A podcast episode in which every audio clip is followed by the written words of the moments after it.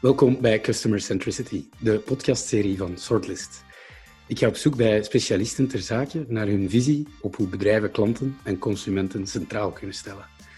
Wat dat mij betreft is dat een van de belangrijkste thema's van de laatste en vooral ook de komende jaren. En vandaag spreek ik met Dirk Bogen.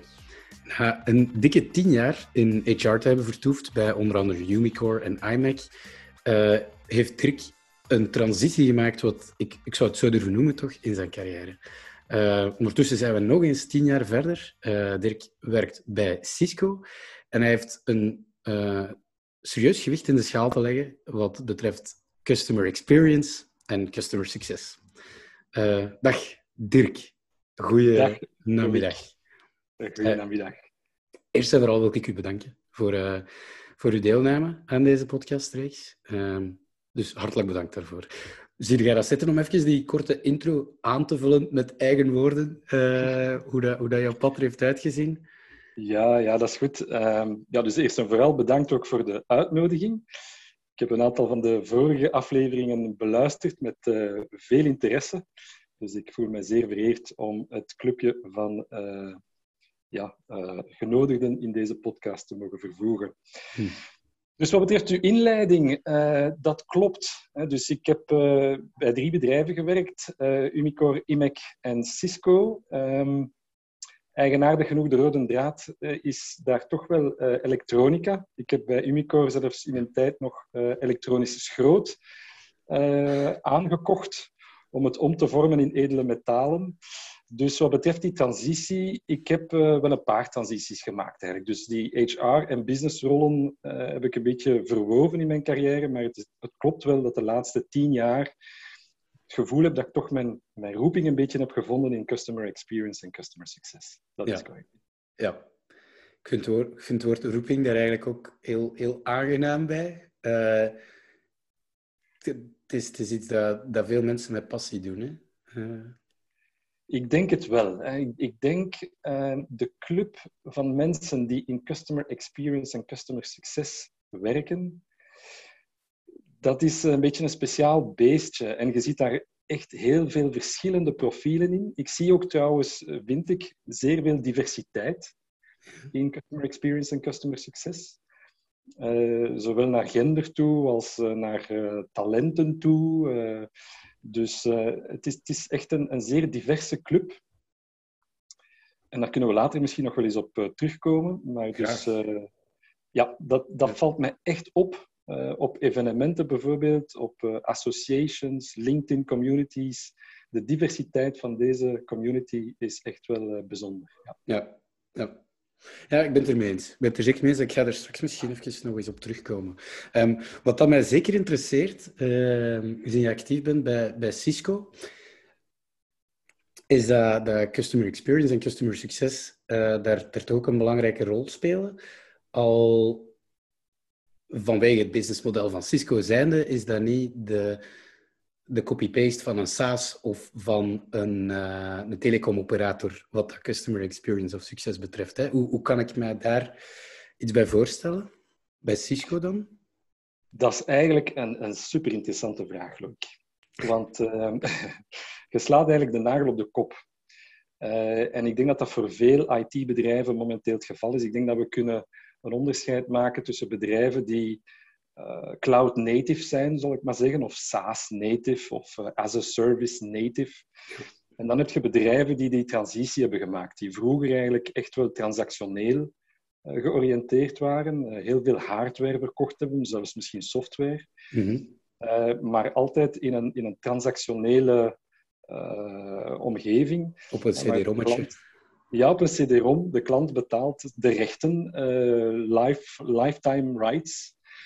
En dus uh, vernieuwing van contracten bijvoorbeeld uh, kwam daar niet bij kijken. En dus de sales was zeer bulky. Dus je had seizoensgebonden sales. Uh, typisch na het jaareinde heb je de hockeystick en zo van die zaken. Mm. Um, en dus dat is het tweede type van bedrijven. Dat zijn die die eigenlijk de transitie moeten maken. Mm. En die transitie is heel belangrijk. En dat maakt het ook wel natuurlijk des te interessanter. Um, maar je slaat de nagel op de kop. Hè. Dus het is we, zijn geen service provider zoals uh, Proximus bijvoorbeeld, ja. die al heel zijn leven nadenkt over de average revenue per customer bijvoorbeeld. Ja. wij kijken echt in het verleden toch zeker naar echt die grote bulky sales. En die transitie moeten we maken. Ja. ja.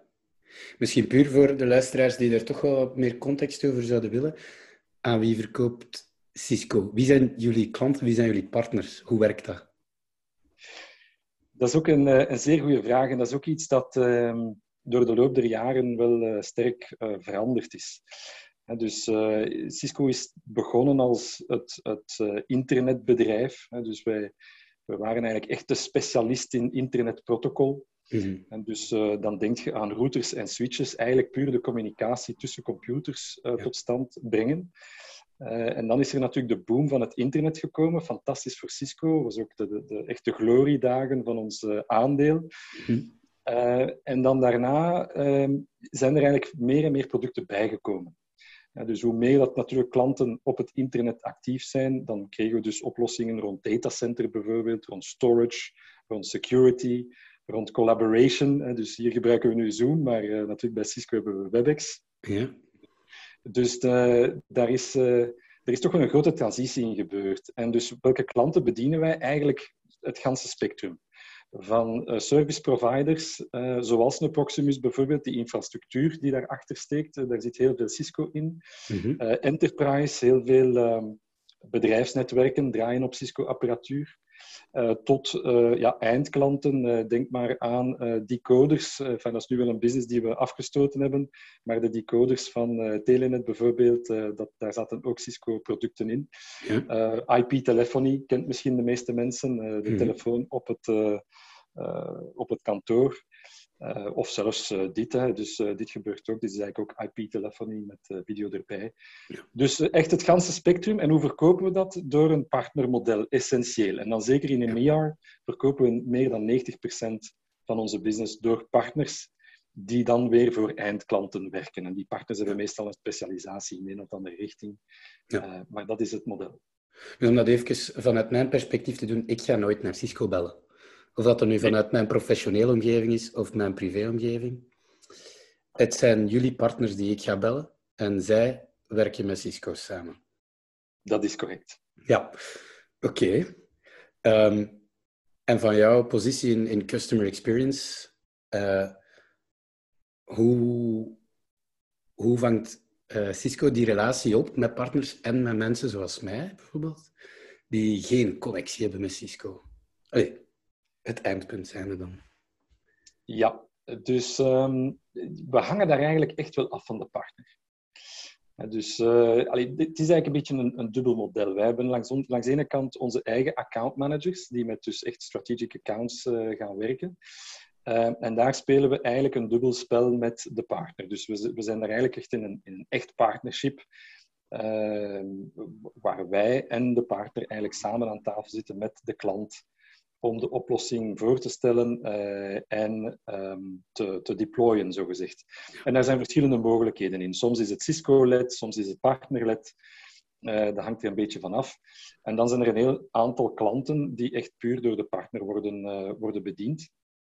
En waar wij natuurlijk de leverancier zijn van de technologie. Nu, als het gaat over de experience van de klant, um, ja, daar zijn we wel toch erg afhankelijk van onze partners. De partners staan eigenlijk het dichtste vaak bij de klant, eh, omdat zij ja, meestal de implementatie hebben gedaan bij de klant, dus effectief uh, de infrastructuur van de klant hebben gezien, aangeraakt enzovoort. Um, of soms, uh, en dat heb je meer en meer, heb je natuurlijk managed service klanten, mm-hmm. waar dat eigenlijk de partner een infrastructuur eigenlijk aanbiedt en dus opnieuw weer als een soort als een, als een service dat eigenlijk aanbiedt. Um, en dus ja, daar zijn we zeer sterk afhankelijk van onze partners, hoe zij uh, daarin staan. En vandaar ook, ja, dat was een van de switches in mijn carrière. Uh, als ik van HR naar business ben gegaan bij Cisco, dan had dat te maken met, mijn rol was eigenlijk partner business consulting. En dat ging er eigenlijk over, uh, dat was toen wel rond services vooral, maar dus om echt eens te gaan kijken van wat zijn nu de services metrics van onze key partners uh, in EMEA en hoe kunnen we die verbeteren en hoe kunnen we uiteindelijk de, de klant experience verbeteren. En dat was echt wel customer success eh, zwaar avant la lettre. Mm -hmm. nu staan we daarin veel verder, maar zo ben ik er wel in terechtgekomen. Ja. Ja. ja, ik vind dat een heel, heel interessante uh, inkijk, als ik, als ik dat zo mag noemen. En uh, hoe, hoe customer success zonder rechtstreeks contact met uw eindgebruiker, of toch niet in alle gevallen, toch een onderdeel kan zijn van, van uw missie als, als bedrijf. En ik vind dat heel, heel waardevol om, om te zien dat dat aanwezig is. Ja, en nu moet ik hier wel uh, een onderscheid maken. Want dus, uh, je hebt eigenlijk een aantal customer success rollen die... Alleen nu hebben we het al direct over customer success. Maar misschien moet ik even de mechanica uitleggen. Hè. Dus mm -hmm. Cisco vermits dat we zoveel business door partners doen. Partners worden aangestuurd op basis van uh, metrics. En die metrics die gaan dan weer bepalen in hoeverre dat zij van bepaalde discounts en rebates kunnen genieten. Dus wat, die, dat gaat eigenlijk hun, hun rendabiliteit uh, sturen. En dus het is nu net op die metrics en op die... Um, ja, op onze verwachtingen eigenlijk van de partner dat we gaan kunnen sturen. Ja. En dus wat wij zien is dat in de laatste jaren wij enorm veel programma's hebben ontwikkeld rond customer experience.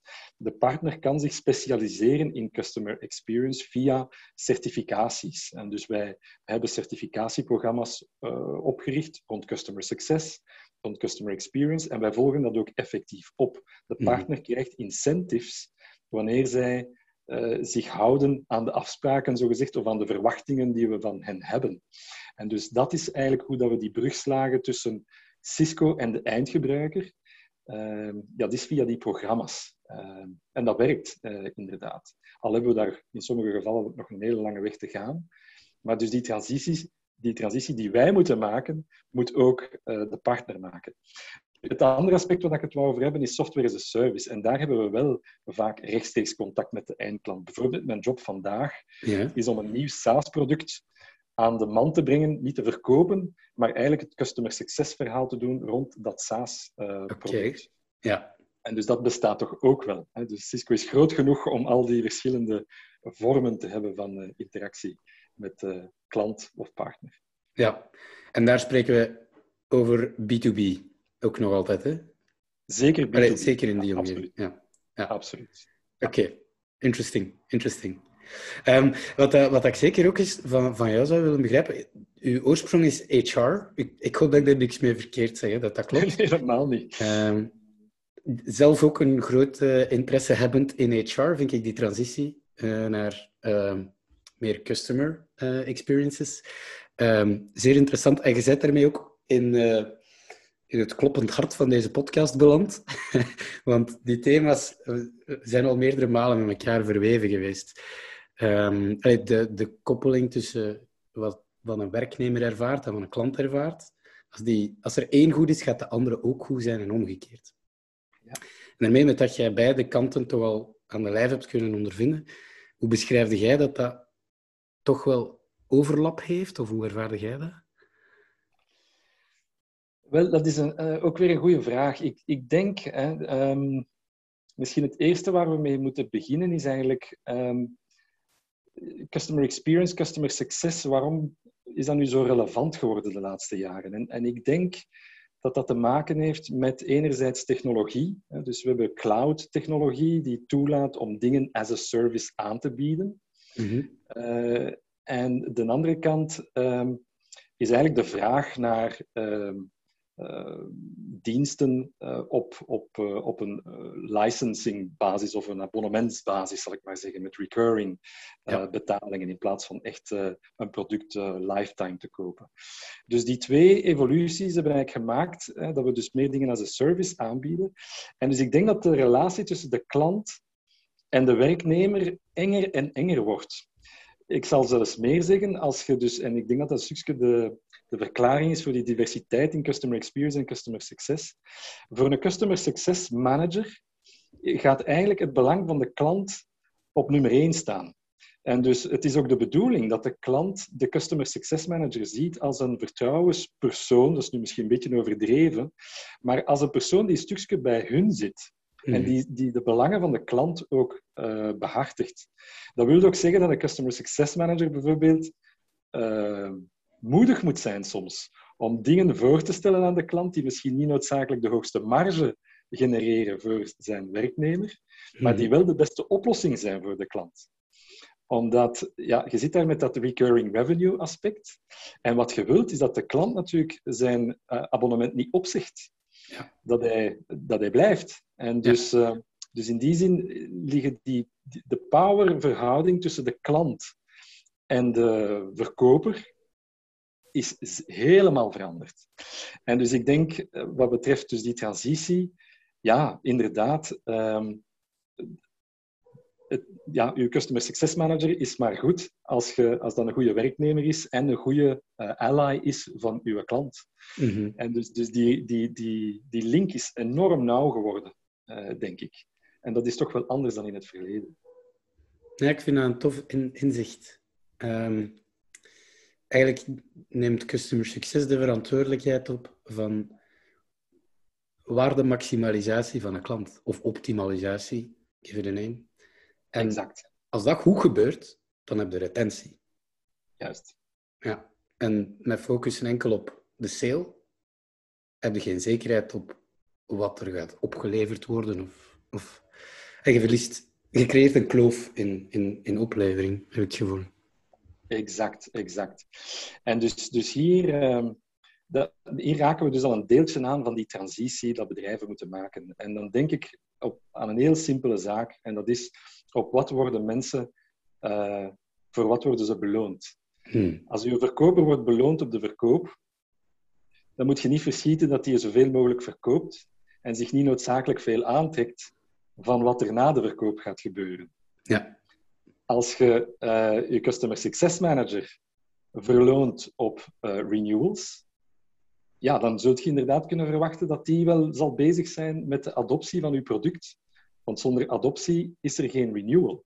Mm -hmm. En dus, dus ik denk dat dat uh, het punt is, zeker in transitiebedrijven, zoals Cisco, dat is dat we moeten ervoor zorgen dat de compensatieschema's niet conflicterend zijn.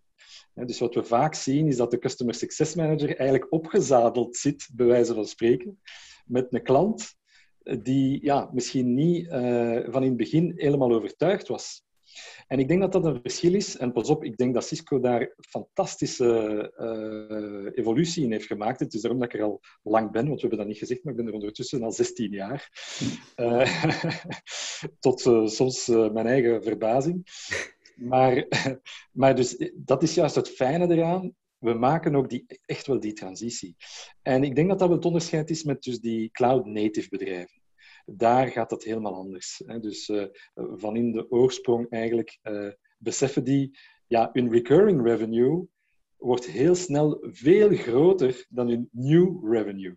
Mm -hmm. Na een aantal maanden of een aantal, allez, een aantal kwartalen overstijgt dat uh, gigantisch. Hè? Het aandeel nieuw versus renewal. Ja. En dus dan, dan moet ik er geen tekening bij maken wie, dan, uh, wie het dan voor het zeggen heeft. Ja, het dus woord hockeystick is al gevallen. Hè? Ja, inderdaad. Dus dat is een heel ander gegeven. Ja, ja uh, zeer herkenbaar ook uit, uit andere gesprekken dat die nauwe relatie met de klant niet meer over transacties gaat, maar over relatie. Uh... Ja, maar dat is een beetje een pitfall denk ik. Dus mhm. het gaat niet zozeer over de relatie, het gaat over uh, vindt de klant waarde in het gebruik van uw X as a service. Mm En dus je stelt u daar meer op als een, uh, als een consultant eigenlijk. Uh, ik zeg nu maar iets, in, in dus dat product waar dat ik nu mee bezig ben, vereenvoudigen wij eigenlijk de hele het hele beheer van de installbase van Cisco ten opzichte van vroegere practices van typisch netwerkmanagers uh, bij, bij onze klanten. Uh, bij die bedrijven die, die de Cisco-apparatuur hebben aangekocht. Mm -hmm. Dus ja, um, dat is allemaal goed en wel. Hè, dat uh, platform dat ik dus, waar dat ik mee werk vandaag, dat is daar perfect toe in staat. Maar de vraag is, gaat de klant dat adopteren dat is nog niet noodzakelijk zo, omdat, u, omdat uw product zeer goed is, mm-hmm. dat de klant ook geneigd is om het te gebruiken. Want daar zijn gewoontes natuurlijk in plaats. En dan spreken we over change management. Ja. Um, nu, change management, ja, dat is niet noodzakelijk puur relatie-driven. Dus je kunt een hele goede change manager hebben. De relatie is belangrijk, die, kan, die mag niet slecht zijn. Maar, ik, maar te zeggen dat customer success echt relationship uh, management bijvoorbeeld is of zo, mhm. dat vind ik een beetje een brug te ver. Hè. Dus, uh, dus, dus, dus, die focus op value is echt wel het allerbelangrijkste, change management. Um, natuurlijk, als je wilt zeggen de relatie, ik wil zeggen de intensiteit van de relatie, ja, dan heb je wel gelijk. Hè. Dus de, de, daarvoor heb je een zeer intense relatie nodig met de klant, om ook mhm. te weten te komen, hoe doet jij de zaken vandaag? Hoeveel tijd kost u dat vandaag? Wie doet dat allemaal? Uh, en hoe gaan we vanuit dat gegeven de omslag maken naar ons product? En hoeveel tijd gaat je daarmee verdienen? Uh, uh, gaat je daarmee winnen? Hoeveel geld gaat je daarmee verdienen? Dat is wel een gesprek dat niet van de ene dag op de andere kan plaatsvinden. Nee, nee. Eigenlijk bedoelt u iets in de richting van transparantie en korte lijnen en niet noodzakelijk goed overeenkomen. Allee, Juist. Je, moogt goed overeenkomen, hè? Juist. maar het gaat om de waarde en over de communicatie. Juist, en ik denk dat, dat, ik de, dat ik daar nu de nadruk op leg. Waarom? Omdat als we kijken naar uh, typische accountmanagement van vroeger, mm hè, dus daar kon je echt zeggen, ja, dat is de relatie. Hè, als, de, als de klant uh, Cisco kiest of een andere vendor, ja, dat is omdat onze accountmanager een goede relatie heeft met die klant. en een goed restaurant weet uh, voor mee te gaan eten. en dan spreek je echt over relatie, want bedoel, ja, of dat die klant dan daarna dat gebruikt, er is misschien een budget te gebruiken, of er is uh, een deadline dat er ergens moet bereikt worden, of er moet ergens een metric bereikt worden. Kom, we gaan voor Cisco. Dat is puur relation-driven, maar dat wil nog niet zeggen dat die klant dan daarna ook effectief die producten optimaal gaat gebruiken en daar optimaal waarde gaat uithalen. Vandaar dat ik een beetje het onderscheid wil scherp stellen. Ja, en terecht. Terecht, terecht. Maar ik vind het wel interessant omdat we aan, aan, aan het bewegen zijn richting menselijkheid en psychologie, want we zijn zo technologisch gedreven en, en data gedreven, zeker ook customer success en, en product roadmaps liggen ook vast op basis van data. Ja. Ehm, maar daar zit toch ook heel wat, wat psychologie in. Uh, het kan bijna niet anders. Je moet kunnen meedenken, empathisch met je klanten. Um, hoe kijkt jij daarop eigenlijk? Dat, dat technologie en psychologie toch niet zonder elkaar kunnen. Ja, dat is, dat is ook een interessante. Hè. Um, en ik, ik denk, hè, in, in psychologie zijn er twee soorten psychologie, zou je kunnen zeggen. Je hebt uh, de psychologie van het individu. Mm -hmm. Je hebt de psychologie van de groep of van de massa. En dus uh, om het simpel te zeggen, als het weer warmer wordt, dan gaan we gemiddeld meer naar buiten. Maar dat wil nog niet zeggen dat iedereen naar buiten gaat als het warm wordt. Mm -hmm. Misschien heb je zonneallergie of, of, of een andere omstandigheid waardoor dat je daar niet op die manier op reageert. En dus psychologie, en zeker in customer success, kan het beide vormen aannemen. En ik denk dat, uh, uh, dus als we spreken over metrics, metrics, metrics is niet hetzelfde als empathie. En dat, die discussie is ook heel erg gaande in AI bijvoorbeeld. Dus uh, AI uh, is in staat om zeer snel correlaties te maken. Maar zoals ze zeggen, correlation is not causation. Mm -hmm. Dus er sterke correlaties tussen A en B, dat A B veroorzaakt. En dus dat, daar moeten we wel voorzichtig mee zijn. Dus, uh, dus wat mij betreft, ik denk dat, uh, en zeker als we spreken over software as a service en, en, en, en al die zaken, en cloud zeker, dan het grote voordeel van cloud is inderdaad dat je enorm veel data uh, kunt, kunt, kunt binnenkrijgen. En opnieuw, ik zal opnieuw de vergelijking van Cisco maken als we vroeger routers en switches verkochten. De klant installeert dat. Eerlijk gezegd, we hadden geen idee wat dat er door die routers en switches liep. Ja. Veel, weinig, in pieken, uh, geen idee. Mm -hmm. Nu met cloud natuurlijk, ziet je bijna in real time wie er toegang heeft. Uh, enfin, dat is een heel andere discussie over data privacy. Hè. Dus uh, ik zeg niet dat Cisco continu bekijkt wie er op het netwerk actief is. Maar ik bedoel maar de klant en zowel Cisco, wij krijgen metrics binnen. Ja. Uh, en met die metrics kun je iets doen. Maar die metrics zijn eigenlijk maar, zal ik maar zeggen, een, een, een, uh, een voorzet. En daarop moet empathie eigenlijk toegepast worden, mm -hmm. volgens mij. ik kan daar ook nog verder over uitweiden. Ik denk dat het ook te maken heeft met waar staat je eigenlijk met je software as a service product? Er is een groot verschil tussen bijvoorbeeld een, een platform met een miljoen gebruikers uh, die uh, een abonnement betalen van 1 dollar per maand bijvoorbeeld, of een platform met 100 gebruikers die elk, uh, weet ik veel, 10.000 dollar per maand betalen. Ja.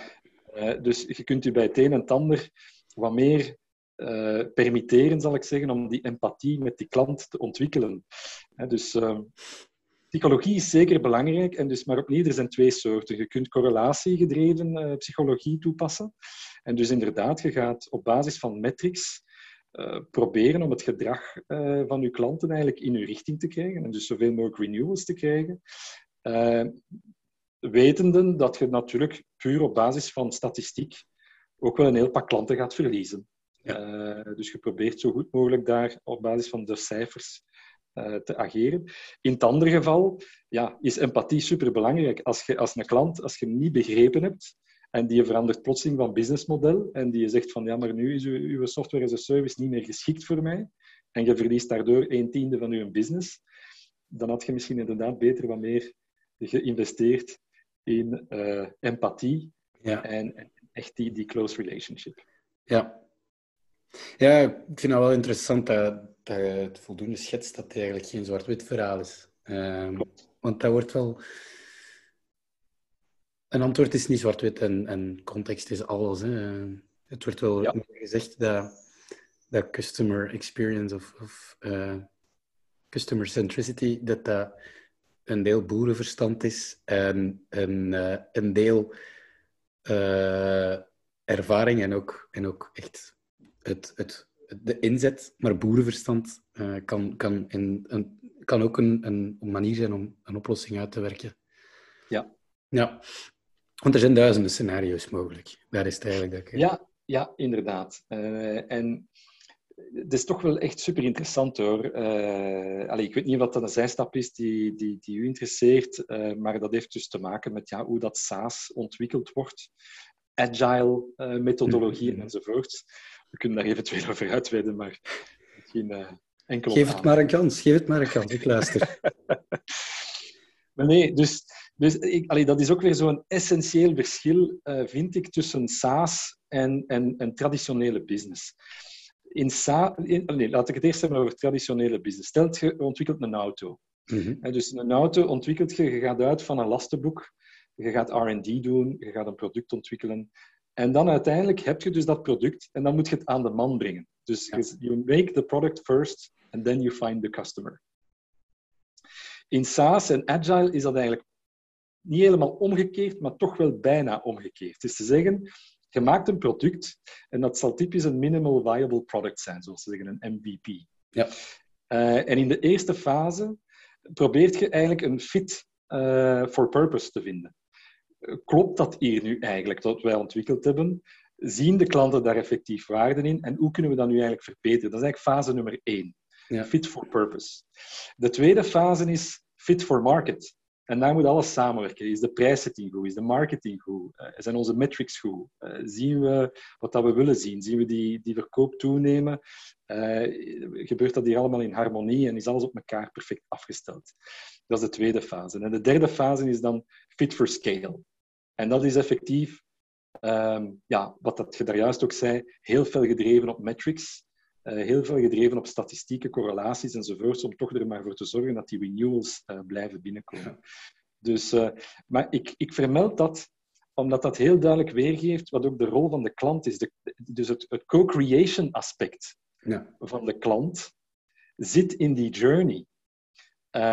en dat is radicaal verschillend ten opzichte van een autobouwer bijvoorbeeld. En ik weet wel, Tesla probeert dat nu ook te doen, hè, met metrics van klanten de producten uh, continu te verbeteren. Mhm. Maar dat is het essentieel verschil. Ja.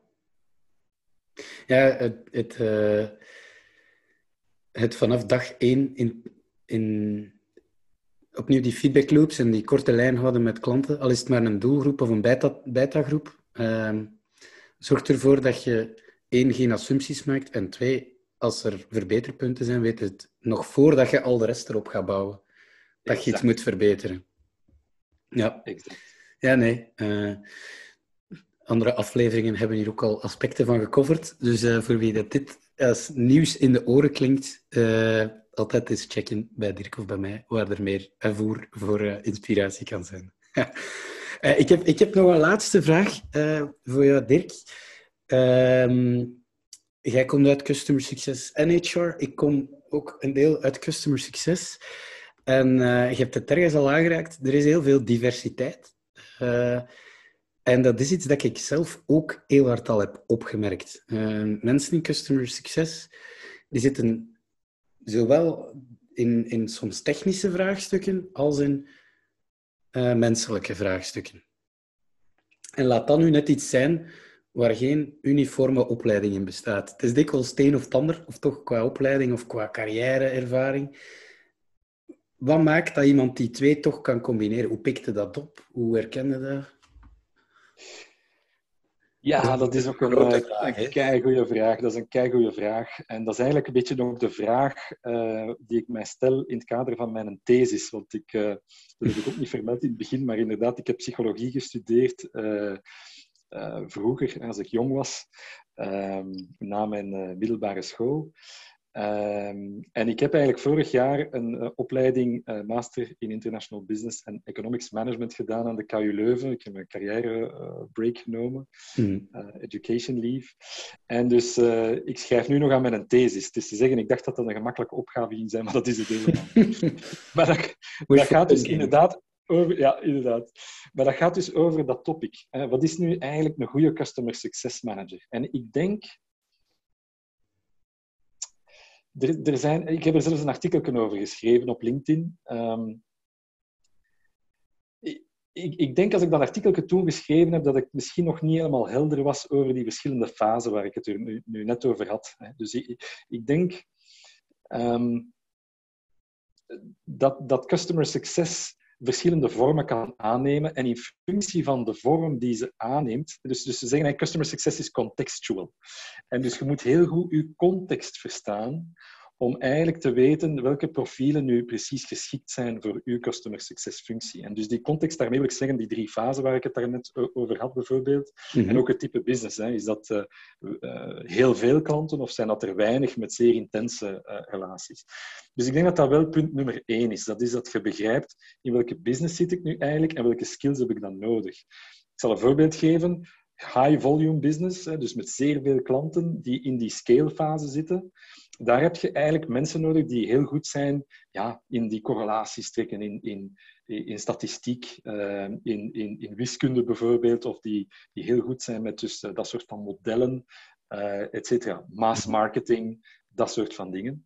Ziet je in de eerste fase van die ontwikkeling met dus een, een, business met zeer grote klanten, ja, dan zit je meer in, in dus het, het profiel van uh, ja, mensen die echt klanten kunnen begeleiden in dat change management. En, dus, en dat is een heel ander profiel dan het eh, profiel dat ik net vermeldde. Dus ik denk dat dat een verklaring is van die diversiteit. En dus hoe vind je de mensen die dat goed kunnen doen? Wel, ik heb bij Cisco veel ervaring met dus eh, partners die die transitie proberen te maken. En er is toch wel iets interessants, vind ik. bij partners zien we dat er heel veel uh, redelijk technische mensen eigenlijk die, die transitie naar customer success maken. Mhm. En voor ons vakgebied is dat wel belangrijk, dat, dat er een goede technische basis is, omdat die producten toch wel vaak erg technisch van aard zijn. Ja. En heel veel van de klantenproblemen kunnen opgelost worden, of toch sneller opgelost worden door uh, goede technische kennis. Ja. Uh, maar wat mij altijd intrigeerde is, wanneer ik dan met klanten samenwerkte en ik vroeg van, ja, wie zou hier nu een goede customer success manager zijn? Dan konden die eigenlijk heel snel een aantal mensen onmiddellijk eruit pikken. Omdat dat mensen zijn die al lang technisch bezig zijn, maar eigenlijk altijd buiten de lijntjes kleurden. Mhm. En dus, uh, dus die mensen, ja, die, die, aspireerden misschien een beetje meer account management en dat soort van dingen. Uh, en dus die, die gingen altijd een beetje buiten hun boekje. En dus die konden eigenlijk redelijk snel die mensen aanstippen. Zo van, ja, dat zal hier wel een goede zijn. En dat klopte eigenlijk altijd wel. Ja. Uh, dus dat vind ik het, het, eigenaardige. Maar wat maakt nu net uh, het verschil? Ja, ik denk dat dat ambidexterity is. Dat is een beetje de academische term, heb ik ondertussen geleerd. Ambidexterity? Ik noteer. Ambidexterity, ja. Dus uh, ambidexter profiles zijn dus die dat inderdaad snel kunnen skip, switchen tussen die verschillende vakgebieden. Ja. En, en ik denk dat dat essentieel is voor customer success. Als we terugkeren naar zo'n echt cloud-native bedrijf, de klant in het midden, customer success daar rond, en eigenlijk daar rond product management, sales, marketing enzovoort. Mm Ja, die mensen moeten die link allemaal kunnen leggen naar al die verschillende departementen. Dus je hebt daar effectief een duizend ja. nodig. Ja. En dikwijls ook met, met verschillende profielen extern, zowel extern als intern. Je moet met een business als met de uh, key users, als met uh, de technologie kunnen spreken. Daarom ja. niet altijd hetzelfde gesprek kunnen voeren, maar wel de juiste connecties leggen. Ja, inderdaad. Ja. inderdaad. Waar vind je die mensen? Dat is dan de vraag. Hè? Uh, ik heb partners gezien waar... Um, maar opnieuw, dat hangt af van het, van het product. Ik zal een goed voorbeeld geven. WebEx hè, is een collaboration tool. Mm Wat wij zagen, wat heel goed werkte daar, zijn uh, mensen uit het onderwijs. Ah ja. Waar, ja, waarom? Omdat je daar, dat change management aspect heeft heel veel te maken met ja, het comfortabel maken van de gebruiker met die nieuwe tool. En dus daar zit je in een educatief programma bijna. Ja. En dus onderwijzers, uh, ja, mensen uit, uit die wereld, die waren super daarin. Natuurlijk, als je spreekt over een, een softwareplatform waar dat ik nu mee bezig ben, en dat is nu misschien wel grappig dat ik dan net een psycholoog ben dat ermee bezig is, maar dus om een installbase te managen en waar je met netwerkmanagers uh, werkt, ja, dat is, daar zit een educatief aspect in, maar daar zit ook een heel groot stuk ja, uh, metrics management in. Dus die, die mensen willen echt verstaan van, ja, maar nu doe ik dat zo en dat, dat duurt zo lang. Uh, en nu ga ik dat zo doen en dat duurt zo lang. Die, die worden overtuigd natuurlijk door, door die tijdswinst en door die efficiëntiewinst enzovoort.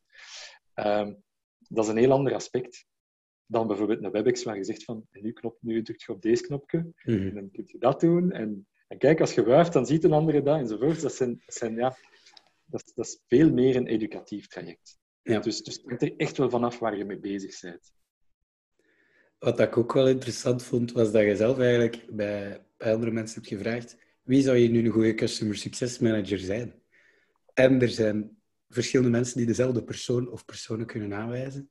Ja. Ik vind dat nog wel een goede man. Allee, dat is maybe too easy. Hè? Dus ja.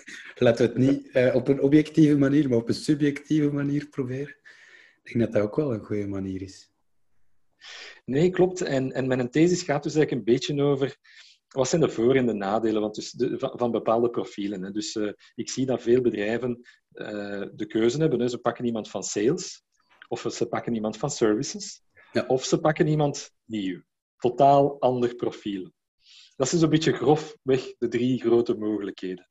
Ja. En dus aan elke optie zijn er voor- en nadelen verbonden. Uh, maar ik denk toch wel essentieel, en hoe langer hoe meer dat ik erover nadenk, is hoe je mensen eigenlijk meet en uh, compenseert. Uh, dat is eigenlijk het allerbelangrijkste. Als je in je bedrijf die transitie niet maakt, en ik weet dat dat ook in uw podcast al honderd keer teruggekomen is, maar als de transitie niet aan de top wordt gemaakt, om te zeggen de klant staat centraal en wij passen onze producten aan aan de klant. ja, de, de kijkers, de luisteraars zitten niet, maar ik ben een uh, kruisteken aan het doen.